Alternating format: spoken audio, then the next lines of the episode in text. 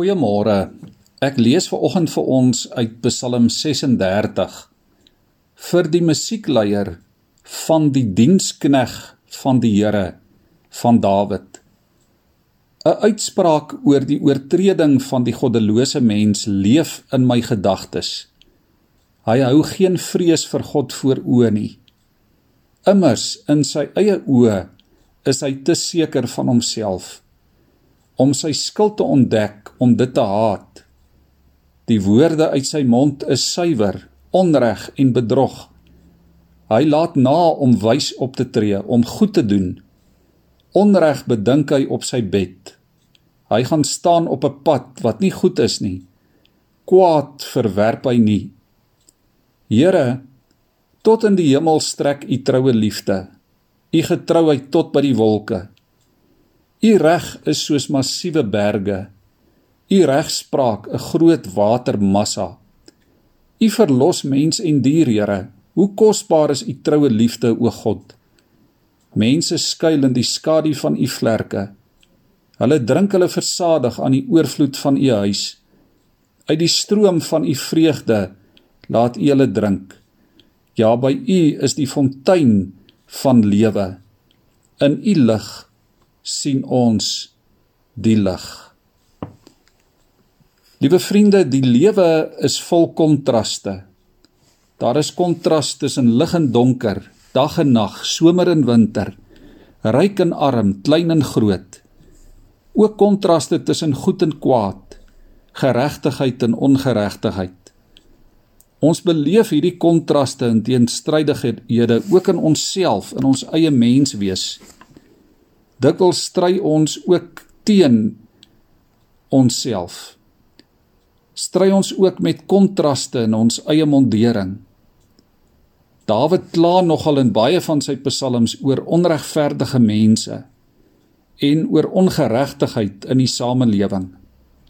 Maar dan maak Dawid 'n lewensbelangrike keuse. Hy kies om die Here te dien. Hy kies vir God as die bron waaruit hy lewe. Hy vra dat God sy lewe en sy optrede bepaal. Hy ontdek nuwe lewensmoontlikhede in sy verhouding met God. Sy krag kry hy in die liefde en in die trou van die Here. En dit is vermore die geheim vir 'n regverdige lewe. Om te ontdek en te weet dat God die bron van jou lewe is. In hierdie samelewing waarvan jy en ek vanoggend deel is, bestaan die kwaad elke dag saam met die goeie. Gelowiges word oral gekonfronteer met hierdie kontras. Ons geloof is gedurig blootgestel. Ons word in alles uitgedaag. Ons word gekonfronteer om te kies tussen reg en verkeerd.